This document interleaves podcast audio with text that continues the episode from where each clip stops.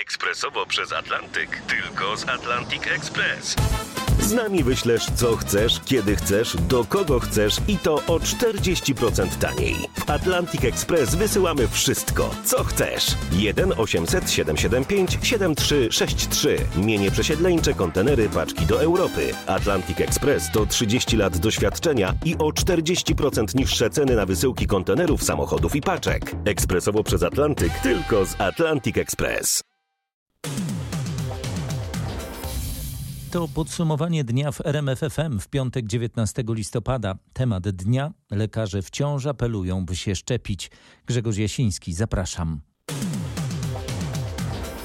Zaczynamy jednak od napiętej sytuacji na polsko-białoruskiej granicy. Polska chce skorzystać z pomocy Frontexu podczas procesu odsyłania migrantów do ich rodzinnych krajów. Pierwsza grupa migrantów odleciała na razie z białoruskiego Mińska do stolicy Iraku. Loty z Warszawy do Bagdadu chce też uruchomić polski rząd. Na jakim etapie są negocjacje? Rząd próbuje uruchomić połączenia z Irakiem od kilku tygodni, ale bezskutecznie, bo zgody nie wyrażały tamtejsze władze. Atmosfera rozmów w ostatnich dniach miała się zmienić, ale jest za wcześnie, by mówić o sukcesie, przyznaje wiceminister obrony Wojciech Skurkiewicz. Takie loty były planowane, niestety one się nie odbyły. Strona iracka nie odpowiedziała pozytywnie na możliwość lądowania. Prowadzone są cały czas na ten temat rozmowy. Polska chce też zwrócić się o pomoc do Europejskiej Agencji Ochrony Granic. Po raz pierwszy, bo do tej pory rząd odmawiał wsparcia ze strony Frontexu, przekonując, że unijni pogranicznicy nie byliby wystarczającym wsparciem.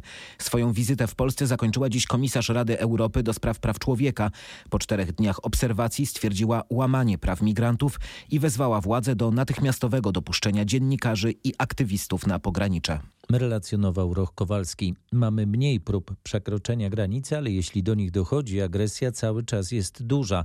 Służby białoruskie inspirują migrantów do forsowania zabezpieczeń i przekraczania granicy, mówi rzeczniczka Straży Granicznej podporucznik Anna Michalska. Białoruskie służby się temu nie tylko przyglądają, ale pomagają, czyli nas w tym czasie, jak grupa zaczyna forsować granicę, czyli kłaść te kładki, to oni nas w tym czasie oślepiają, abyśmy nie mogli reagować, widzieć i tak dalej. To rzucanie kamieniami, gaz łzawiący wczoraj, no na pewno to nie są rzeczy, które, które imigranci przywieźli samolotami z Iraku czy z innych krajów, więc musiało to być im dostarczane na miejscu. My również widzimy, że wśród tych białoruskich służb są różne mundury, to nie są tylko służby graniczne.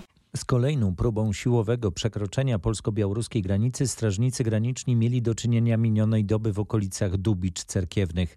Na polską stronę próbowała przedostać się około 500-osobowa grupa migrantów. Te osoby próbowały siłowo przekroczyć tę granicę. Oczywiście cudzoziemcy zachowywali się agresywnie, rzucali kamieniami. Rzucona została kładka na istniejące ogrodzenie po to, by umożliwić przejście osobom na stronę polską. Laser przez służby białoruskie kierowany w stronę służb polskich. Także sytuacja bardzo niebezpieczna, bardzo napięta, natomiast udało się zapobiec próbie nielegalnego przekroczenia granicy i żadna z tych osób nie przedostała się na teren naszego kraju. Wyjaśnia w rozmowie z naszym reporterem major Katarzyna Zdanowicz z Podlaskiej Straży Granicznej. Do podobnej sytuacji doszło w rejonie Mielnika. Tam na stronę polską próbowało przedostać się około 50 osób. Większość została zawrócona na Białoruś. Pięcioosobowa rodzina zadeklarowała chęć ubiegania się o azyl w Polsce. Wszyscy chcielibyśmy, by kryzys migracyjny skończył się jak najszybciej. Takie głosy słychać od mieszkańców strefy objętej stanem wyjątkowym. Przypomnijmy, migranci pojawili się tam na granicy ponad trzy miesiące temu. Do czego to dojdzie, no to nie wiem. Obawa jakaś jest, tak? Zakupy zrobiłam, bo mieszkam na wsi. Na wszelki wypadek. Na wszelki wypadek. Kontrole same sobie nie są uciążliwe, ale z drugiej strony no, w jaki sposób nas tam zabezpieczają. Powiem szczerze, że wszyscy żałujemy tych biednych uchodźców, ale naszych chłopaków nie bardzo żałujemy. A to są przecież młodzi ludzie. Cały czas walczymy z tym takim hejtem. Migrantów widać było wcześniej, przychodzili? Było, było, tak, było widać. My mieszkamy na osiedlu. Ja widziałam osobiście dwie grupy. Z mieszkańcami Podlasia poza strefą stanu wyjątkowego rozmawiał nasz reporter Piotr Bułakowski. Około tysiąca laurek przygotowali uczniowie podlaskich podstawówek dla mundurowych, którzy pilnują polsko-białoruskiej granicy. Straż Graniczna podkreśla, że wsparcie lokalnej społeczności jest bardzo istotne. Widzimy duże wsparcie ze strony osób mieszkających właśnie w strefie przygranicznej. W momencie, kiedy pojawiła się sytuacja z Kuźnicą, gdzie znalazło się tam tak dużo tych osób i gdzie był ten szturm powiedzmy na granicę, Od razu wiele osób się odezwało do nas, udzieliło nam wsparcia. Tutaj mówię o pocztówkach, listach, telefonach, ale też o jakichś tam drobnych gestach w postaci batonika, żeby po, podczas pełnionej służby móc się w jakiś sposób posilić. Także wszelkie słowa i, i w ogóle reakcja tych osób i, i, i to zorganizowanie jest niezwykle budujące. To, że mamy poparcie właśnie mieszkańców, o których bezpieczeństwo dbamy od samego początku. Podkreśla major Katarzyna Zdanowicz, rzeczniczka Podlaskiej Straży Granicznej. Unia Europejska planuje przeprowadzenie w przyszłym roku wielkiej akcji przeciwko grupom zajmującym się przemytem ludzi na stary kontynent. Portal informacyjny U-Observer dotarł do planów operacyjnych instytucji działających pod egidą agencji Frontex, które przewidują przeprowadzenie aresztowań około 1400 osób. Co jeszcze wynika z tych planów?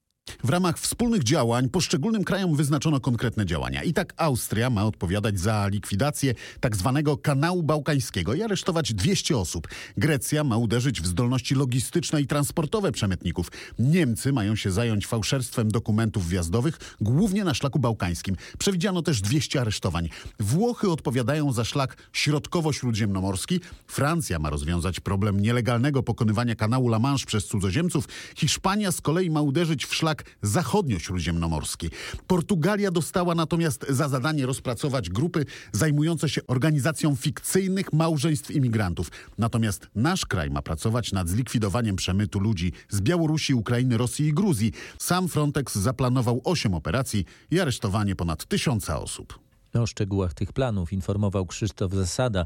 Amerykańska administracja rozumie sytuację na granicy polsko-białoruskiej i wie, kto jest autorem tych działań, mówi naszemu waszyngtońskiemu korespondentowi Pawłowi Żuchowskiemu Adam Krzywosącki, charge d'affaires Rzeczpospolitej w USA. Polscy dyplomaci pozostają w kontakcie ze stroną amerykańską. Tak mówi Adam Krzywosącki, polski dyplomata pracujący w Waszyngtonie. Mogę powiedzieć, że jesteśmy w bliskim kontakcie i amerykańska administracja posiada taki sam ogląd sytuacji jak Polska. Adam Krzywosącki podkreśla też, że dyplomacja naszego kraju stara się tłumaczyć wszystkim podstawy tego konfliktu. Jak dodał, jest duża skala dezinformacji w różnych miejscach na świecie. Udzielił na przykład wywiadu dla telewizji z irackiego Kurdystanu. Dlatego dzisiejszą moją rozmowę wykorzystałem po to, żeby nakreślić to tło i ten kontekst tych tak naprawdę zbrodniczych działań białoruskiego reżimu. Jak dodał nasza ambasada, otrzymuje też słowa wsparcia od innych unijnych placówek w Waszyngtonie. Ktokolwiek liczył na to, że Unię Europejską uda się łatwo podzielić, wykorzystując to narzędzie migracji, bardzo się przeliczył, ponieważ e, zaszło zjawisko odwrotne. Powiedział mi Adam Krzywosącki. Z Waszyngtonu Paweł Żuchowski. Wracamy do kraju. Ponad 23 tysiące nowych zakażeń potwierdzono w Polsce ostatniej doby. Na COVID-19 zmarły 403 osoby. W podsumowaniu dnia nasz reporter Michał Dobrołowicz, który przeanalizował raport Ministerstwa Zdrowia. Najwięcej nowych zakażeń wykryto na Mazowszu i na Śląsku. Najszybciej nowych infekcji w porównaniu tydzień do tygodnia przybywa właśnie na Śląsku, a także w Wielkopolsce i w województwie opolskim. Szczyt jesiennej fali według prognoz Ministerstwa Zdrowia jest dopiero przed nami. Nadejdzie na przełomie listopada i grudnia. Mimo to resort nie rozważa wprowadzania nowych obostrzeń, mimo że robią to inne europejskie kraje. U nas, jak zapewnia wiceminister zdrowia Waldemar Kraska, takich planów nie ma. Jeszcze cały czas liczę, że zaszczepimy się, że nie zachorujemy, że będziemy przestrzegali tych obostrzeń, które już są. Dystans, maseczka, dezynfekcja. Tak proste rzeczy, najtańsze, a jednocześnie przerywają ten łańcuch epidemiologiczny. Pierwszym krajem, który w związku z dużym wzrostem liczby zakażeń w tej fali pandemii wprowadzi niebawem pełny lockdown jest Austria, a od 1 lutego szczepienia przeciw COVID-19 w Austrii będą obowiązkowe. 2501 nowych zakażeń koronawirusem, 31 osób zmarło, połowa z nich nie miała chorób współistniejących. To dane z dzisiejszego raportu Ministerstwa Zdrowia dotyczące województwa śląskiego. Po raz kolejny ten region jest na drugim miejscu po Mazowszu z największą liczbą wykrytych zakażeń. Do poniedziałku ma być w szpitalach 2000 miejsc dla chorych na COVID-19. Co dalej po 22 listopada? Na pewno baza łóżek będzie jeszcze zwiększana. Oddziały covidowe mają powstać w szpitalach, w których jeszcze ich nie ma. Między innymi na przykład w Lublińcu i być może w Rybniku. Rozmowy i ustalenia wojewody z dyrektorami placówek trwają. Obecnie w szpitalach w całym województwie jest ponad 1200 osób chorych na COVID-19. COVID-19. 100 osób leży pod respiratorem. Z ostatnich danych wynika, że w ciągu doby karetki wyjeżdżały do osób zakażonych blisko 140 razy. Ponad połowa z nich wymagała hospitalizacji. Od tygodnia utrzymuje się też wysoki odsetek dodatnich wyników w całej puli wykonanych testów. Wynosi on 27%. Podsumowywała Anna Kropaczek. Rekord zakażeń aktualnej fali w Małopolsce. Odnotowano tam 1783 przypadki zakażeń, a w szpitalach przebywa prawie 1300 osób. Szczegóły Marek Wiosło. Najwięcej pacjentów przebywa w szpitalu w Dąbrowie Tarnowskiej. Hospitalizowanych jest tam 140 osób. W całym województwie zajętych jest prawie 1300 łóżek, aż 115 osób wymaga podłączenia do respiratora. Wzrosła także liczba osób przebywających na kwarantannie. To już 37 tysięcy mieszkańców Małopolski. Urząd Wojewódzki zdecydował się na przekształcenie kolejnych łóżek na covidowe w szpitalach powiatowych, spodziewając się wzrostu liczby chorych. Wolnych jest pół tysiąca miejsc. Z dnia na dzień rośnie liczba pacjentów z COVID-19 w szpitalach na Podhalu. Stan chorych jest bardzo poważny. Szpital w Zakopanem już dziś był zmuszony do powiększenia swojego oddziału mówi zastępca dyrektora do spraw medycznych Małgorzata Czaplińska. Szpital zwiększa liczbę miejsc o następne 5 łóżek, czyli do 40 łóżek dla pacjentów z COVID-19 oraz jeszcze będzie 5 łóżek z możliwością prowadzenia respiratoroterapii w oddziale intensywnej terapii. Szpital w Nowym Targu od poniedziałku zwiększy liczbę łóżek covidowych niemal o 100%. Wstrzyma też planowe przyjęcia innych chorych. Praca zdalna wraca od poniedziałku w Urzędzie Marszałkowskim w Szczecinie. Z home office będą mogli skorzystać jednak tylko zaszczepieni. Praca z domu będzie dobrowolna. By z niej skorzystać, trzeba będzie dobrowolnie pokazać certyfikat szczepień. O szczegóły dopytywała nasza reporterka, jak urząd tłumaczy taką decyzję. Zachodniopomorski marszałek uznał, że kto się nie zaszczepił, bo nie wierzy w koronawirusa, nie potrzebuje przed nim ochrony w postaci pracy zdalnej. Jak mówi Olgierd Geblewicz, decyzję podjął z powodu braku reakcji rządu na rozkręcającą się falę zachorowań. Niestety rząd skapitulował w walce z pandemią. Nie wprowadza żadnych realnych zachęt do szczepień, nie daje narzędzi pracodawcom do tego, aby mogli chronić tych, którzy w imię odpowiedzialności się zaszczepili. Dlatego wprowadzamy własne rozwiązania. Urzędnicy wychodzą z założenia, że kto się zaszczepił i będzie chciał pracować z domu, nie będzie mieć problemu z dobrowolnym pokazaniem stosownego zaświadczenia. Informuje Aneta Łuczkowska. Szczyt czwartej fali epidemii w Polsce będzie w pierwszym tygodniu grudnia, tak przewiduje gość popołudniowej rozmowy w RMFFM profesor Maria Gańczak, epidemiolog i specjalista chorób zakaźnych. Wtedy będziemy mieć do czynienia z dzienną liczbą zakażeń w wysokości 30 kilku tysięcy, ta średnia tygodniowa w wysokości mniej więcej 28 tysięcy czyli będą to naprawdę dramatyczne liczby, jeśli chodzi o przypadki, ale trzeba sobie powiedzieć, że mniej więcej minimum 1% tych przypadków, które są raportowane umrze. W tej fali epidemii może umrzeć nawet 60 tysięcy Polaków, twierdzi profesor Gańczak, która jak wszyscy eksperci apeluje o to, by się szczepić.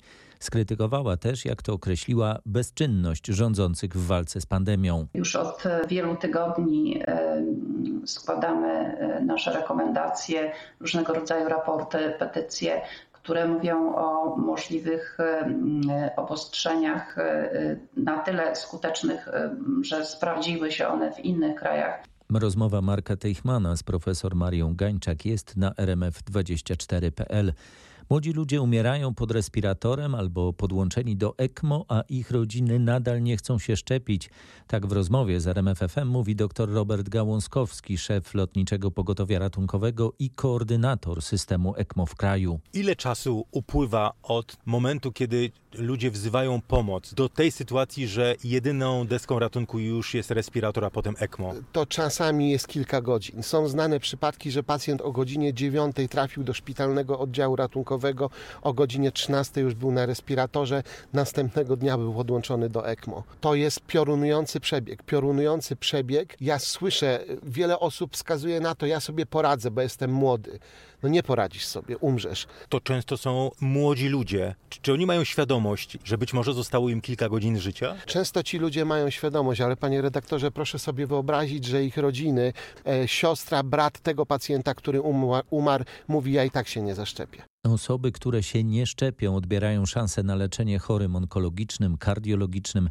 Odpowiadają za to, co dzieje się teraz w szpitalach, mówi dr Gałązkowski. My coś poza szczepieniami możemy zrobić, bo już widzimy, że ten system jest znowu na granicy wydolności. Mamy półtora tysiąca osób pod respiratorem. No znowu stoimy na krawędzi. Pomimo tego, że są, będą za chwilę dostępne leki, pamiętajmy o tym, że szczepienie to jest szansa na łagodny przebieg. I powiem to wprost, nie boję się tego powiedzieć. Ci, którzy się nie szczepią, współodpowiadają za to, że szpitale w coraz większym zakresie są dedykowane dla tych pacjentów, a coraz mniej są dostępne dla pacjentów onkologicznych, pacjentów kardiologicznych, tych pacjentów, którzy się zaszczepili i potrzebują pomocy. Z szefem LPR rozmawiał Mariusz Piekarski. Nowy typ szczepionki przeciwko COVID-19 będzie dostępny w Unii Europejskiej w kwietniu przyszłego roku.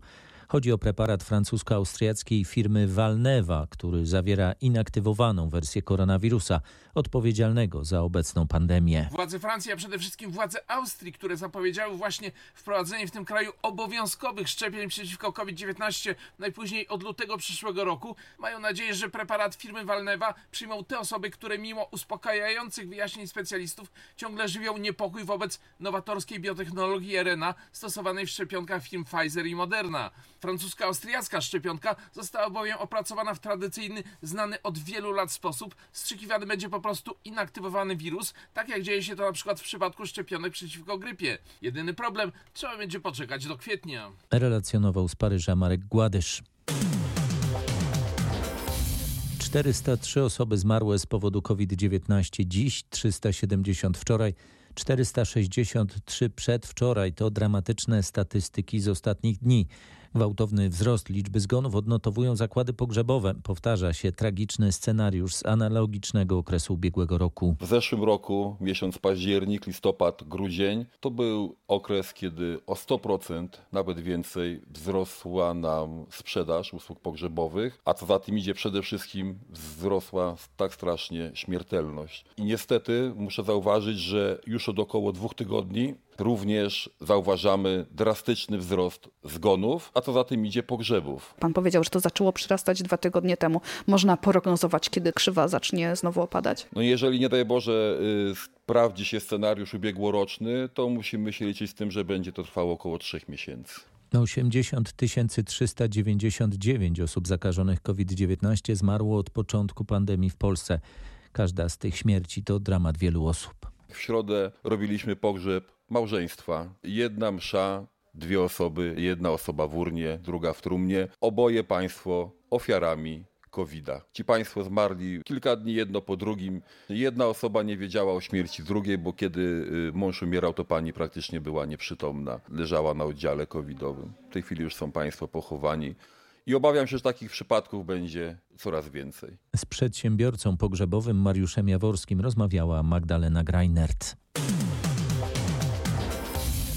Nie żyje 29-letni górnik kopalni Chwałowice w Rybniku. Ponad 700 metrów pod ziemią pękła tam tama izolacyjna. W pobliżu było trzech górników, dwaj pozostali są ranni. Obaj e, są w szpitalu, ich stan jest dobry, a cała trójka zjechała dziś w rejon nieczynnej ściany wydobywczej, żeby wykonywać tam prace związane z zabezpieczeniem przeciwpożarowym. W pewnym momencie najpierw doszło do wycieku, a potem przerwania tamy izolacyjnej, za którą znajdowała się tak zwana podsadzka, czyli mieszanina wody, pyłu i popiołu. Dwóm wspomnianym już górnikom udało udało się uciec, trzeci był poszukiwany. Po pewnym czasie ratownicy odnaleźli go, ale niestety mimo reanimacji 29-letni górnik zmarł, a specjaliści z Urzędu Górniczego będą teraz ustalać przyczyny tego wypadku. Relacjonował nasz reporter Marcin Buczek. Trzej mężczyźni trafili do szpitali po tym, jak zasłabli na fermie Norek w Karsku, niedaleko Myśliborza w Zachodniopomorskiem. U jednego z nich doszło do zatrzymania akcji serca, potrzebna była reanimacja. Informacje w tej sprawie zebrała nasza reporterka Aneta Łuczkowska. Co było przyczyną zasłabnięć? Ratownicy podejrzewają zatrucie jakimś gazem. Jakim dokładnie? Tu będą potrzebne dodatkowe badania. Do zdarzenia doszło po 9 rano, gdy trzej mężczyźni w wieku około 40 lat czyścili zbiornik na karmę dla hodowanych na fermie norek. Wszyscy stracili przytomność. Jeden wymagał reanimacji, która na szczęście się powiodła. Na miejsce wysłano dwa śmigłowce lotniczego pogotowia ratunkowego, które zabrały do szpitala dwóch poszkodowanych. Trzeci pojechał tam karetką. Konieczne było wyważenie drzwi samochodu. Mówią o zatrzymaniu w Krakowie włoskiego przestępcy, członka mafii, Ndranghety, Domenico F. Policjanci Mężczyzna został zatrzymany przez policyjnych łowców głów w ramach zmasowanej akcji włoskiej policji, w której w sumie zatrzymano ponad 100 groźnych członków mafii. W Krakowie przestępcę zatrzymano, gdy jechał autem jedną z ulic. Do tego zatrzymania doszło w czasie, kiedy jechał swoim samochodem jedną z krakowskich ulic. Był zaskoczony widokiem policjantów. No, no nie chciał współpracować, można tak powiedzieć, dlatego że no nie otworzył drzwi mimo nawoływanie funkcjonariuszy. Nasi łowcy głów musieli siłowo wyważyć te drzwi, by otworzyć samochód i zatrzymać tego przestępcę. Oporu fizycznego nie stawiał. Mówił Sebastian Gleń z Komendy Wojewódzkiej Policji w Krakowie. Powyżej miliona złotych, jak przyznaje wstępnie policja, wynosić będą straty po wczorajszym pożarze w Gronowie Górnym pod Elblągiem. Płonęło tam składowisko materiałów do produkcji granulatu z plastiku. W tej sprawie prowadzone będzie prokuratorskie śledztwo. Czy wiadomo, co mogło być przyczyną pożaru? Na razie nie. Biegły z zakresu pożarnictwa nie prowadził jeszcze oględzin pogorzeliska, także za wcześnie na takie wnioski poszkodowana przez pożar firma nie złożyła też zawiadomienia w tej sprawie, ale i tak wiadomo, że konieczne będzie śledztwo. Strażacy wczoraj dopiero po 23 zakończyli akcję gaśniczą. Dziś musieli wrócić jeszcze w to miejsce, bo rano ponownie pojawił się tam ogień. Na szczęście niewielki. Trwa cały czas naprawa sieci trakcyjnej na linii kolejowej Elbląg-Bogaczewo, która została uszkodzona w związku z pożarem. Wymieniać trzeba choćby tory zdeformowane przez wysoką temperaturę. Na razie przywrócono ruch jednym z nich, więc pociągi dalekobieżne na trasie Olsztyn-Trójmiasto nie muszą już jechać objazdem przez Iławę. Naprawa drugiego toru skończy się jednak dopiero w przyszłym tygodniu. Informował Kuba Kaługa. Połowa hospicjów w ciągu dwóch lat zniknie z mapy Polski, jeśli NFZ nie zwiększy finansowania tych placówek. Tak w zaprezentowanym dziś dramatycznym apelu przekonuje Polskie Towarzystwo Medycyny Paliatywnej co według lekarzy musi się wydarzyć, by hospicja mogły działać tak jak do tej pory? Potrzebne jest zwiększenie wycen o co najmniej 30%. Aktualne wyceny obowiązują od 6 lat, a wydatki, jak przekonuje dr Aleksandra Ciałkowska, prezes Towarzystwa Medycyny Paliatywnej, rosną i to powoduje problem na przykład ze znalezieniem lekarzy i pielęgniarek. Do tego trzeba jeszcze nałożyć, że część naszej kadry jest również zaangażowana pracując w innych miejscach w walkę z COVID-em. Przy jeszcze małych finansach ten odpływ będzie coraz większy większy. Coraz większe są też potrzeby. Rocznie opieki w hospicjach w Polsce wymaga kolejne ponad 90 tysięcy osób. Informuje Michał Dobrołowicz. Dobiega końca organizowany w Szczecinie Tydzień Ubogich. Jego inicjatorzy zachęcają w tym czasie do pomocy osobom bezdomnym. Na finał czeka słodka sobota, mówi naszej reporterce Robert Grabowski, organizator Szczecińskiego Tygodnia Ubogich. Już od pięciu lat organizujemy ten Szczeciński Tydzień Ubogich i sobota jest takim dniem na słodko i prosimy zawsze o to, żeby mieszkańcy w ramach możliwości przynieśli coś do schronisk dla bezdomnych, bo trwa akcja zima, coś słodkiego, jakieś ciasto, które upieką, a może nawet coś tam kupią, żeby troszeczkę osłodzić ten los y, ludzi bezdomnych. Działa co roku, bo to nie pierwszy raz jest Słodka Sobota. Tak, jak najbardziej ta Słodka Sobota się sprawdza i te słodkości trafiają y, do osób bezdomnych. Ciasta można dostarczać do schronisk przy ulicy Zamkniętej, przy bulwarze Gdańskim i przy Chryniewieckiego. Wieczorem w Warszawie odbyła się premiera wiśniowego sadu. U Czechowa wiśniowy sad rodziny Raniewskich to sad, który nie przynosi dochodu, zdziczał i rzadko rodzi owoce, których i tak nikt nie kupuje. W tej opowieści o przemijaniu Lubów Raniewską gra w dzisiejszej premierze Warszawskiego Teatru Polskiego Grażyna Barszczewska. Reżyseruje Krystyna Janda, którą pytaliśmy, co w jej realizacji znajdą młodzi widzowie. Atrakcyjny, dobrze zagrany, tradycyjnie zrealizowany spektakl, który na pewno nie będzie ich nudził. A sam Czechow, ten zestaw jakby jego i postaci, i sentencji, i cała ta historia, która się tu toczy przed nami, jest wielką nauką życiową. W obsadzie również Dorota Landowska, Jerzy Szejbal, Szymon Kuśmider czy Paweł Krucz. Tworzenie to proces niezwykły. Przez weekend będzie się można o tym przekonać w Krakowie.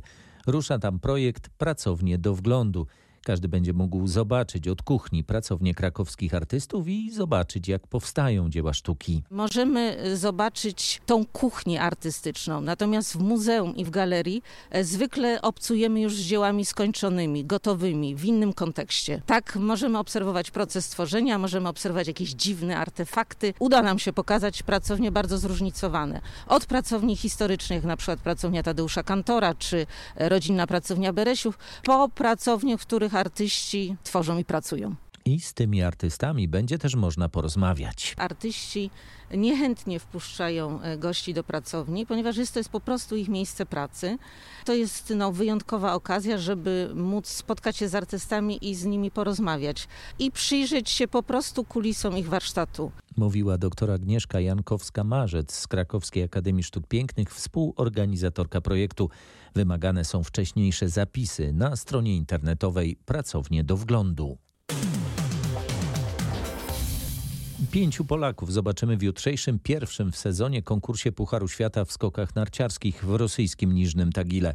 Kwalifikacje wygrał Kamil Stoch, który skoczył aż 135 metrów.